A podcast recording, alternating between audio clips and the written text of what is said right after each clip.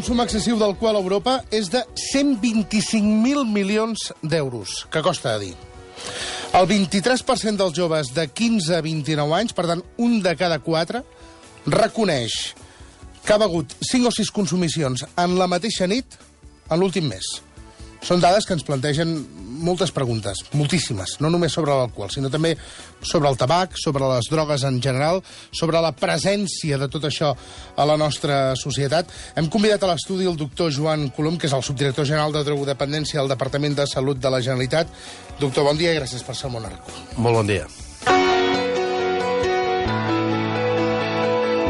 L'alcohol, tenim un problema, un problema molt greu?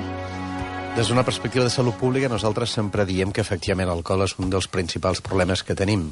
És a dir, la magnitud eh, del consum excessiu. Insisteixo en aquest matís perquè no tothom que pren alcohol té un problema, sinó que la gent que té problemes o que veu excessivament, o que en diem nosaltres consumidors de risc, com heu dit al principi, el titular, representen un cost, una morbilitat, és a dir, mal malaltiment i fins i tot una mortalitat a llarg plaç molt elevada. És a dir, si comparem, per dir una idea, eh, l'impacte de les drogues socialment no integrades o il·legals amb l'alcohol, aquest és d'un cost cinc vegades superior a les altres. Què vol dir consum excessiu?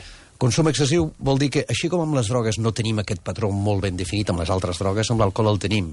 Des de fa anys treballem amb l'Organització Mundial de la Salut i hem definit el que és el patró de risc, eh? el consum de risc, que vol dir eh, consumir un determinat nombre de eh, consumicions setmanals. En el cas dels homes, aproximadament 4. Quan dic consumicions... Això vol dir quatre cubates? No, perquè una consumició per nosaltres, una, el que en diem, eh, popularment diem tècnicament una unitat de beguda, que ara no explicaré per la, pobles, per la que ens estan escoltant, però en realitat, per fer-ho fàcil, diríem que eh, quatre consumicions de cervesa diàries o bé dos cubates. Eh? Quan parlem d'alcohol d'alta graduació, el dividirem per dos. Diaris, en el cas dels homes, i una mica més que dos consumicions de cervesa i un cubata per les dones, perquè les dones tenen un procés de metabolització hepàtica diferent i, per tant, poden consumir menys, pot comportar aquest consum de risc. Però atenció, aquest seria el consum crònic, el consum setmanal. La majoria de la població no fa aquest consum la majoria de la població fa un consum al cap de setmana. Surt I per el divendres, això... surt el dissabte, i cauen dues, tres, quatre, ah, o el que dèiem, eh, que un de cada quatre joves d'entre 15 i 29 anys diu que s'ha pres 5 o 6 consumicions a la mateixa nit. Efectivament, això és el que anomenem eh, tècnicament binge drinking, és a dir, la capacitat d'associar en una mateixa ocasió de consum, amb una, amb una mateixa sortida, 5 o 6 consumicions en el cas dels homes, 4 o 5 en el cas de les dones. Això també és consum de risc eh? encara que el resta de la setmana no hagis consumit. I després, finalment, es consum de risc, i aquí acabo, quan una persona no pot consumir i consumeix. És a dir, quan està manegant una màquina, quan està conduint un cotxe, quan una dona està embarassada, quan algú està prenent un tractament que li impedeix el consum d'alcohol. En aquests casos, o menors de 16 anys, en aquests casos, qualsevol consum, independentment de la quantitat, també el catalogaríem de consum de risc. Surts de festa cada cap de setmana, cada divendres, cada dissabte. Cauen cada divendres, cada dissabte, 4, 5, 6 copes. O cauen aquelles dues o tres copes de vi i, i al darrere dos o tres cubates. Això és un alcohòlic? No, aquest és un concepte, una pregunta molt interessant. És un consumidor de risc, que, com diu la paraula, vol dir que al llarg de la seva vida té possibilitats o té probabilitats de presentar problemes relacionats amb alcohol. A curt termini o a llarg termini. A llarg termini seria l'alcoholisme, però a curt termini podria ser accidentabilitat, podria ser violència, podria ser trastorns digestius, trastorns hepàtics, etc etc.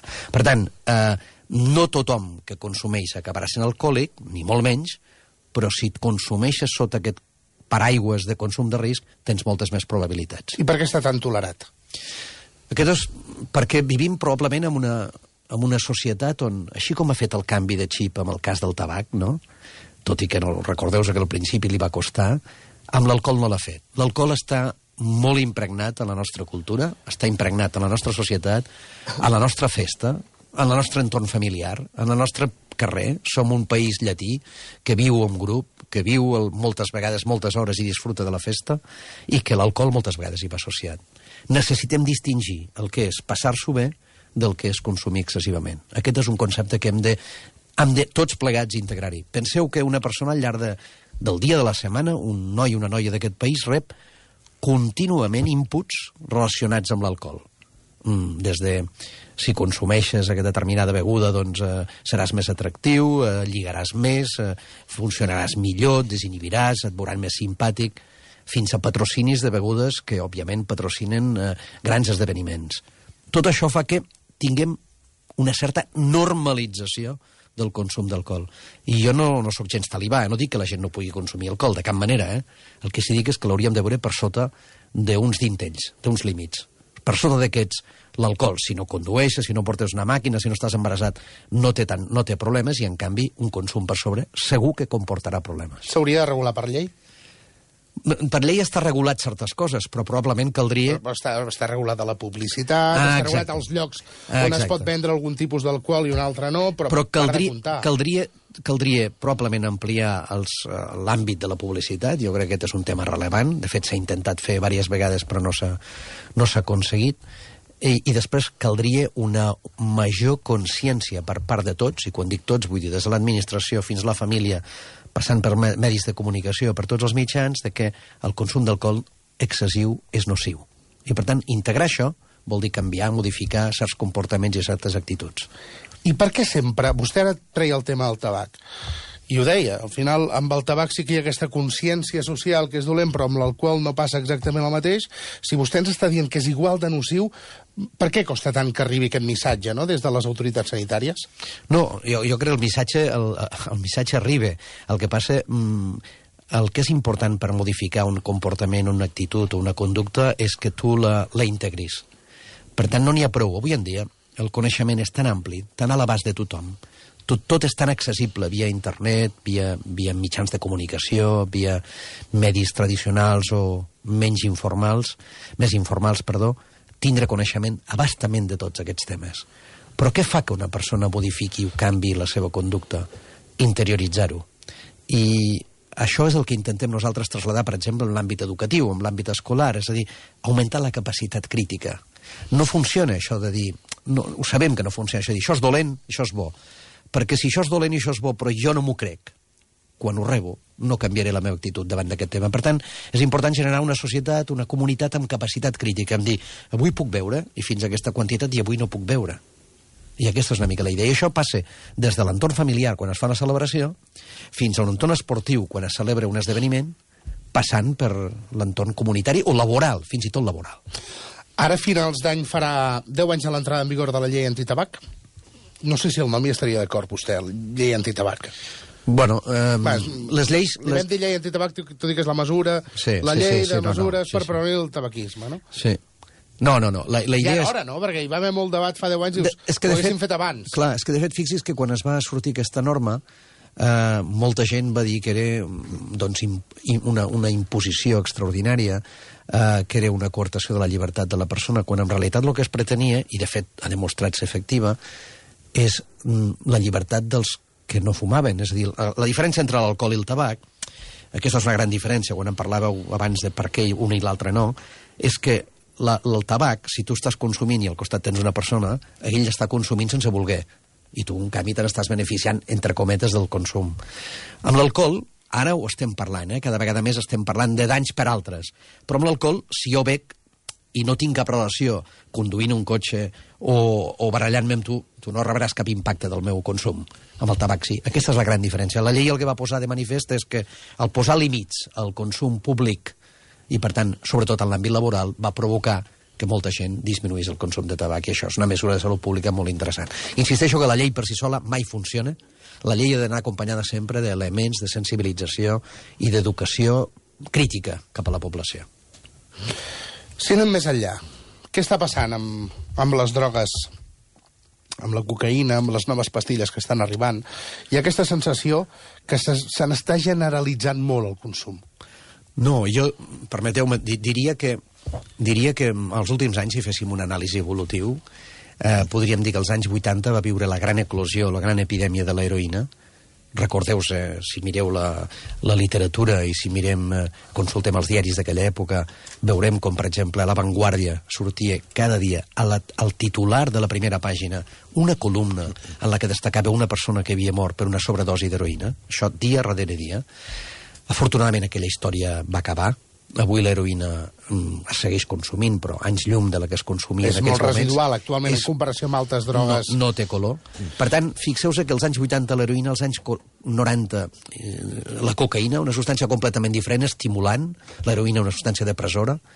Als 2000 podríem parlar de l'eclosió de les drogues de síntesi, eh? les pastilles, les pàsties, com es coneix, popularment, per ajudar a ballar, per ajudar a la nit. Es va popularitzar la famosa ruta del bacallà, la ruta del bacalao, etc. I acompanyant tot això, sempre hi ha hagut consum d'alcohol i consum de cànnabis, variant una mica. Però el nombre total de persones afectades no augmenta. El que augmenta són els tipus, les formes, les maneres, la substància principal, però en realitat estem parlant d'un pool més o menys general similar. És a dir, no creix el consum, no hi ha noves persones que consumeixin més, sinó que van canviant les substàncies, les modes, les formes, i hi ha un subgrup, efectivament, amb, molts factors, amb pocs factors de protecció i amb molts de, de vulnerabilitat, que en diem nosaltres, que són els que reben més l'impacte d'aquesta història i acaben tenint problemes amb les drogues. I els joves? Els joves seríem un, seria un, un, un grup especial, un grup relevant. A mi m'agrada sempre dir, i ho dic i aprofito de la vinentesa d'estar aquí a la ràdio, que, que no hauríem d'estigmatitzar els joves, perquè eh, amb ells se'ls inculca totes les dinàmiques negatives de, de, tot, de tot el que estem parlant. No, els joves es comporten igual que els adults, imitant les conductes dels adults i, per tant, consumeixen alcohol i drogues. Quin problema hi ha? Que especialment si consumeixen en una edat molt primerenca, el seu cervell no està del tot desenvolupat i l'impacte sobre la seva salut és superior. Segon, els joves és un grup que per experiència, per, per, per excel·lència li agrada experimentar, provar, eh, no té sensació de risc. Per això parlàvem de capacitat crítica i per tant és més habitual que en una determinada circumstància accepti una invitació, provi algo per, per provar i no tingui la capacitat eh, crítica que té l'adult. Per això és important que per nosaltres, eh, si alguna vegada algú... Nosaltres diem sempre que intentem que la gent no consumeixi, però això probablement sigui una utopia. En segon lloc, diem que ho faci com més gran millor, perquè tindrà més factors de protecció, uh -huh. més capacitat. I si tot i així ho fa, que tingui les mínimes conseqüències per la seva salut i per la dels altres. El que anomenem reducció del dany, reducció del risc. I aquesta és la nostra, la nostra política de treball. Per tant, si consumeixes en una edat primerenca, si consumeixes en una època jove, que sigui una experiència i que no et deixi cap seqüela. Roger Pera, com estàs? Molt bé. Molt bon dia, Jordi, fent, fent camí per la vida. Bon dia bona hora, eh? Tu has viscut una experiència molt dura en primera persona i, a més, tens el valor d'explicar-ho. Que Bé. això encara costa més. Mira, perquè mm, crec que és la medicina, és parlar-ne. Uh, a mi quan tot va sortir a la llum i va sortir des d'aquesta casa amb l'amic Jordi Basté Sí, sí. uh, hòstia, em vaig plantejar potser potser és el que feia falta i potser, potser em pot anar bé. Uh, potser aquesta és la solució, parlar-ne parlar obertament. I, i per això, doncs, em, em parlo, comparteixo la meva experiència, trauré un llibre, i mm, per què és? És la solució. No amagar, no enganyar-te, eh, no que sigui un tema tabú. Eh, aquí a, Espa a Catalunya, a Espanya, encara és un tema tabú. Eh? Ens costa molt parlar-ne i, mm, i això no, no, no, ens, no ens ajuda a solucionar el problema. Anant al llibre perquè, a veure, tu ara fa un any vas venir al món i vas explicar tota una història que ens va semblar molt rocambolesca en el seu dia. Eh, també vas explicar que, que tot això havia d'anar amb un llibre, que, que ho havies de plasmar d'alguna manera una mica també com a teràpia de tot plegat. Està recuperat del tot? Bé, és que recuperat del tot eh, no es recupera un del tot. Això sempre, sempre hi serà. Estic en el camí, estic en un... En un... Per mi és el meu tractament. N'he fet molts de tractaments, eh, des de fa eh, set anys, però els feia per recuperar coses. Recuperar família, recuperar feina... Eh, i per mi el meu tractament és el que estic fent ara, és que l'estic fent per recuperar-me a mi. Um, de fet, un tractament no és, no és... Potser el més fàcil és deixar, deixar de consumir. Els tractaments és per canviar moltes coses de la teva vida i del teu tarannà. I per mi, aquest tractament que estic fent i aquesta problemàtica, problema que jo he tingut, el que m'està donant és una millor qualitat de vida. Quan fa que no consumeixes? Un any. Vaig tenir una recaiguda, eh? El que passa, les, de la recaiguda se n'aprèn. Se n'aprèn molt. I sobretot se n'aprèn si, si vols que això no torni a El passar. doctor Colom fa que sí amb el cap. Sí. Sí, perquè durant molt temps eh, s'interpretava la, la recaiguda com un fracàs terapèutic. Uh -huh. I com diu el Roger, té tota la raó, la recaiguda forma part del procés i, per tant, la forma de, de, de tornar-hi a començar és diferent que des del principi. Per tant, reconèixer-la eh, com formant part d'un podríem dir simbòlicament la, la, el tractament de la dependència de les drogues, especialment les que d'aquest tipus, és com, una, és com una via de tren plena d'estacions, a les quals tu vas avançant, cada dia estàs més a prop del destí, però a vegades, sense voler el tren s'apare i fins i tot torna a l'estació d'enrere. No passa res. Uh -huh. Tornem, a, tornem a No engegar. passa res amb coca, no però passa... tampoc passa res amb el tabac, no? Efectivament. No, no, però que no passa res tirant enrere, tornem a començar. L'important és la capacitat de treball individual de cada un i sobretot el, la idea de que, que això m'agradaria traslladar-ho, i el Roger és un exemple pràctic del que estem dient, que és possible sortir-se'n. Eh? Aquest tabú que també hi ha de dir, no, escolti, és que això no ho diem perquè eh, aquí no se'n surt ningú. No és veritat. De l'alcohol, del tabac, de la cocaïna, de la heroïna, se'n surt la gent. Tenim una xarxa de professionals molt bons a aquest país que et poden tractar, que et poden seguir, i òbviament necessita la teva voluntat, però també t'ajudaran a tenir-la aquesta voluntat. I per tant, aquest missatge de que és possible, i com més aviat millor et posis en tractament, més, més bons resultats. El que, uh -huh.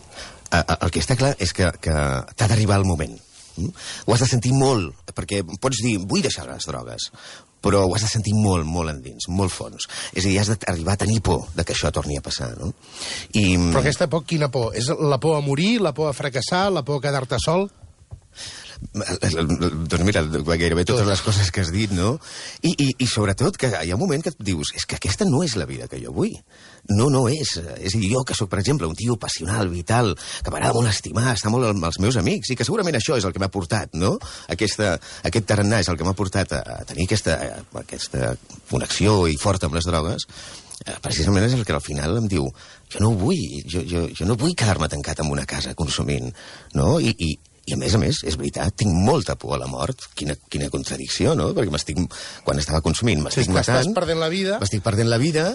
Escolta, el meu pare fins i tot, no?, a, a, a, em va dir em va dir una cosa que, que, que ostres, és... Em diu, Roger, és que jo preferiria que estiguessis mort que no veure Perdre així. perdre-te així. I això ara, en perspectiva i amb el temps, dius, hòstia, em posa la pell de gallina, no? Perquè tenia tota la raó del món. La vida és que és fantàstica i em fa molta por morir. I he estat molt a punt moltes vegades, sí.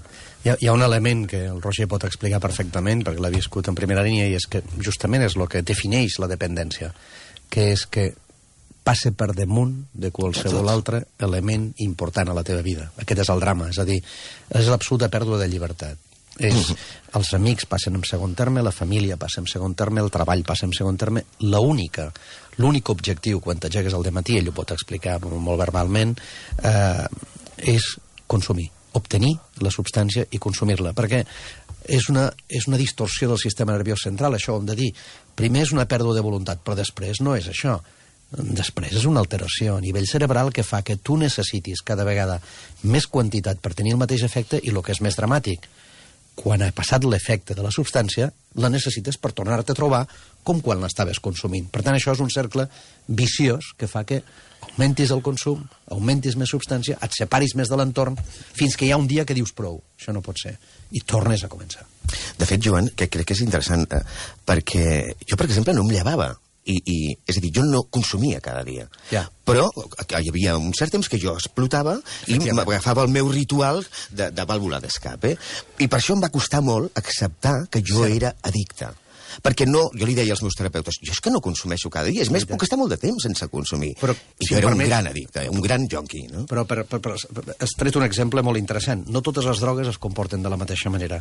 Així com amb l'heroïna, una persona que és dependent a l'heroïna no pot passar pràcticament cap dia sense consumir-la, i fins i tot el dia en prendrà 3, 4 o 5 vegades, Uh, pel que fa a la cocaïna, el gran, la gran paradoxa, i moltes persones no creuen que tinguin un problema, és aquesta, és que poden estar a la millor 5 dies, una setmana, sense consumir, i al cap de setmana o el dia X consumir el que no han consumit en la setmana anterior. Exacte. O sigui, no és un consum tan sistematitzat com l'heroïna o l'alcohol. O sigui, hi ha drogues que es comporten de forma... L'èxtasi i les drogues de síntesi també és el mateix. Tu pots no consumir durant aquests dies i això et dona la percepció, la falsa percepció, De que tu no tens un problema. I que ho perquè- i que ho controles. De que ho controles. I, en canvi, no és així, perquè davant del mateix efecte, davant de la mateixa circumstància, tu acabes consumint. I aquesta és la dependència. Sí, i és una enfermetat mental. És a dir, jo potser no consumia cada dia, però el meu cap ja preparava eh, el, el dia, és a dir, treballaré molt i faré tot això perquè així ja arribarà un dia que podré consumir i, clar, la meva problemàtica és que el meu consum era molt compulsiu i, per tant, molt perillós. No? Ara dius que encara hi estàs treballant, tens por de recaure? Clar que sí, molta, molta, moltíssima. I aquesta por quan es supera, doctor? Home, eh... O aquesta por l'acompanyarà tota la vida? No, home, la, la, Això és el que diuen els fumadors, també, sí, al final. la eh? modificarà. La por, és a dir, la por, la por varia en quant a la intensitat. Eh, probablement en un moment determinat, al principi de tot, fins i tot més que posa angoixa, però al final és un recordatori, i un recordatori que quan tu tens, estàs bé, estàs estable, i te'n dones compte de lo que has deixat enrere, tens una clara sensació de dir no val la pena de cap manera mm, caure en aquesta història amb tot el que, amb tot el que em vindrà. Per tant, cada vegada és menor, cada vegada com més temps passe. Ara, efectivament, nosaltres definim això com una malaltia crònica i, per tant, qualsevol alcohòlic, qualsevol consum fumador sempre dirà que pot recaure, clar que sí, però les probabilitats de recaure a mesura que passa el temps són inferiors. I si recaigués mai, també l'impacte serà molt menor. Mm.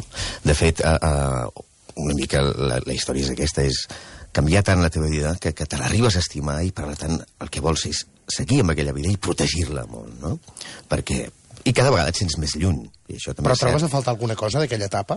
Fosca? Ostres, uh, les meves fotos, això en diem, no? Les, les teràpies, tenir fotos, fotos que, que, que realment et fan mal, no? Les meves fotos són... Hòstia, era aquell, no? Sí, són tan d'això que... que Clar, i és, és el que dèiem abans. Jo, que m'encanta el teatre, que faig teatre, doblatge, eh, tot tele des dels 8 anys, que m'agrada tant, clar, és que passes per sobre d'això. Dels meus amics, que me'ls estimo tant, passes. I de la meva família, que és el meu pal, passes per sobre d'això. I no vull, que, no vull tornar a passar per aquí. Hi ha alguna substància més complicada de deixar que una altra? No, el que, hi ha, lo que hi ha són persones més complicades o menys complicades o situacions més complicades que d'altres. Mm, Al final no és, tan, no, és tan, no és tan important si alcohol, si heroïna, si cocaïna. Clar que és important, eh? ja m'enteneu. Però el que és important és la persona. Com afronta la persona aquesta situació, quins elements d'encaix té per sortir-se'n, com, com es treballa a nivell mm, amb el terapeuta, els terapeutes o amb el grup, com és capaç de revertir aquells elements que li fan que, li, que, li, que, que d'alguna forma l'estimulen a continuar consumint. Normalment, per exemple, amb el que fa, pel que fa a la cocaïna, hi ha una sèrie de situacions que augmenten la probabilitat de consumir. Doncs una de les coses que es treballa més és intentar identificar aquestes situacions i posar-los posar fre. És a dir, eh, al final el, el que és rellevant és la persona, sigui el que sigui el que està consumint. En Roger Pere deia... Hosti, una frase del meu pare. Vostè parlava de, dels elements que té actualment la sanitat pública per poder ajudar els addictes. Però sí que és veritat que en, en tema de cocaïna i en tema de pastilles i tot això, al final, sempre es coneixen les històries dels rics que han pogut mm. gastar-se molts diners per quedar internats en una, en una clínica d'aquestes de desintoxicació que diuen que més o menys funcionen. I la gent del carrer, la gent que no té aquests diners, com ho pot fer això? Miri, nosaltres disposem a Catalunya d'una red, una xarxa de salut d'atenció a les drogodependències molt potent, amb 60 centres, ambulatoris, amb centres residencials, amb unitats hospitalaris de desintoxicació, amb comunitats terapèutiques, amb centres de dia, amb unitats de crisi. Cada any, a Catalunya, perquè tingueu una idea, inicien tractament amb aquesta xarxa, eh, perquè el, el tractament s'inicia primer a l'àmbit ambulatori, i a partir d'aquí, si requereix un ingrés o no, ho decideix el terapeuta eh, d'acord amb el propi pacient a nivell ambulatori. No? Doncs cada any inicien tractament als voltants de 13.000 persones. Això són moltes. eh? 13.000 persones. D'aquestes 13.000 persones, perquè tingueu una idea, el 21,4% són cocaïnòmens. Eh, persones que tenen problemes amb la cocaïna, eh, un 12% són persones que tenen problemes amb l'heroïna. Per tant, eh, l'atenció és generalitzada, és àmplia i s'atén eh, des d'una perspectiva clarament professional. I el percentatge d'èxit el teniu calculat? No, no perquè és, és molt difícil. eh, Es fan estudis seqüencials per valorar-ho. Per exemple, sabem que en el cas de l'alcohol, amb un estudi fet als 5, 10, 15 i 20 anys amb un company de l'Hospital Clínic, eh, vam trobar que aproximadament al cap de 20 anys un 40% de la població estava abstinent, el qual és una barbaritat, perquè molts els havien perdut, és clar al cap de 20 anys per perdre, alguns s'havien mort per altres causes, alguns no els, no els podíem connectar. En el cas de la cocaïna és, di és diferent, no tenim estudis de longitudinals tan potents que ens permetin dir el grau de, de, de superació, però en general un tractament ben fet durant un any eh, aproximadament que incorpori tractament individual, grupal, mm, farmacològic, si s'escau, eh, en principi eh, la gent, les persones se'n poden sortir. I per tant, un, un, entre, un, entre un 30 i un 40% d'aquestes persones es mantindran abstinents. Un altre element important és veure quina qualitat de vida tindran i per tant, per nosaltres l'elemental és, malgrat que algun dia pugui consumir, és que tingui una qualitat de vida bona, que si pugui superar aquest problema, que pugui mantenir la vida familiar, personal, laboral. Eh, això és clau amb la recuperació. Roger, eh, vas dir al món ara fa un any que el teu repte era aprendre a conduir el cotxe a 80 i no a 160. Ho has aconseguit? Això és el que més, per això et deia, potser menys, menys difícil és deixar de consumir, més difícil és canviar aquest tipus de coses. Estic en ello, estic en ello i, i, i estic... Uh, el, el ritme és molt més baix i, i estic veient gairebé tot el paisatge, però, però costa, costa perquè, perquè, primer de tot, la meva personalitat, el que dèiem, la persona, no? La meva personalitat és força complexa i, segon, la meva professió és molt difícil de gestionar, no? Perquè a vegades no tens res, a vegades ho tens tot i aleshores, doncs, has d'estar molt al lloro i, i, i i protegir-ho, pro protegir-te. Clar el... que pots tenir uns dies d'estrès, però que no sigui el, el teu tarannà diari de sempre. El millor és que Roger Pera té projectes d'entrada aquell llibre, com el tens? Doncs mira, el llibre... Has començat a escriure, no? I tant, i tant, però és que el volien... Mira, el volien treure aquest Sant Jordi, però amb la Rosa Rei, de, que és una gran editora d'Angle Nou, eh, vam, i jo li vaig dir, escolta, crec que encara no és el moment, no? Una persona, un exaddicte, eh, han de passar dos anys, no? Més o menys són tractaments de dos uh -huh. anys, i creia que no era el moment. Per tant, serà aquest Nadal o el, el Sant Jordi l'any que ve. Amb, amb moltes ganes, no ni de guanyar diners ni, ni tot això, perquè no, no guanyaré ni un duro, però sí de, de compartir. I no serà un llibre trist, eh? Serà, la gent també hi haurà moments que riurà. Però el primer projecte és Bangkok, no? Bangkok, Bangkok. Uh, Bangkok estrenarem el, el 16 de setembre, les primeres funcions ja l'11 de setembre, amb el Mingo Ràfols, el Miquel Malirac, uh, i és un musical molt, molt divertit. Això és el retorn, eh? Això també per tu, com a persona... Sí, mira, vaig estar aquest grec amb el pare fent fent una sí, nit a, sí, a Broadway sí, sí, sí, sí, sí. i va ser molt, molt emocionant, no? I a més a més, tornar i amb el pare al costat, que la temporada que farem una obra junts, eh? Però oh. ja, ja arribarà el moment. No, sí. no, no, no. No, no, no encara no puc, encara no puc, perquè no tenim els drets encara. Quan, els, quan els, el pare els, el pere els pagui, que pagarà ell, et trucaré i t'ho diré. I el, estem molt il·lusionats, serà un, és un musical molt divertit i, i jo estic molt content i molt orgullós i conscient que em queda camí encara a disfrutar-ho. Moltes gràcies. Roger Pera, felicitats, eh? gràcies. Doctor Joan Colom, em queda una pregunta. Botellón, què s'ha de fer amb això? Bé, eh, mireu, eh, primer, a Catalunya eh, és diferent de la resta de l'Estat, ho dic perquè amb això som diferents. El botellón no té l'impacte tan relevant que té a la resta de l'Estat. N'hi ha, eh? no dic que no n'hi hagi. Però el que nosaltres hem fet aquí és un... Mira, justament ho portava, de, no sabia que em feies aquesta pregunta. Hem estat treballant en una nit més de qualitat, que forma part de una manera... Un tríptic no, sí, un tríptic. Sí, però la idea és... Que diu de festa nits de qualitat. O sigui, el que pretenem és que el món de la nit ens ajudi també a disminuir l'impacte de l'alcohol i les drogues, en, en, especialment en la gent jove. I, per tant, hem fet fa poc una guia de recomanacions sobre el consum d'alcohol i altres drogues en, en l'àmbit del carrer, amb l'àmbit local, amb les festes locals. Catalunya probablement té un impacte més gran amb les festes locals, les festes tradicionals sí, i les no tradicionals i les no, i les no tradicionals els, els, que, els que venen aquí estrangers i en un moment determinat en una determinada ciutat provoquen una, una, una festa d'aquestes característiques. I per tant hem fet una sèrie de recomanacions en la que venim a dir que si tu t'incorpores, si tu fas treball amb, el, amb, les, amb les organitzacions, amb les ONGs que organitzen les festes, amb les persones que porten les barres, amb el model, és a dir, tu com a, que portes una barra que has guanyat a la millor eh, una subhasta, doncs et comportes adequadament, amb l'accés a menors, tota una sèrie de coses, elements molt senzills, molt simples, o per exemple, en el cas de les nits Q, estem treballant amb que les discoteques tinguin aigua fresca, tinguin controls, puguin tindre test d'alcoholèmia, tinguin alimentació bàsica, tinguin, eh, eh, per què no, eh, begudes sense alcohol, per què no? Eh? Però no, no, no el típic San Francisco de tota la vida, que, que se't fa molt massa dolç. dolç i la gent no el pren. No, home, els de les mueles i aquesta gent segur que treuen combinacions sense alcohol la mar d'interessants. Per tant, estem treballant amb aquesta línia per també dignificar el no consum o el consum moderat. Per tant, tot això junt, amb el suport de l'entorn familiar, comunitari, dels organitzadors de les festes, és possible minvar, disminuir aquest impacte que deies tu abans. Doctor Puglom, gràcies per la seva feina i gràcies per ser molt a Moltes gràcies i recordeu aquest estiu que menys és més. Moltes gràcies. Sí, sí.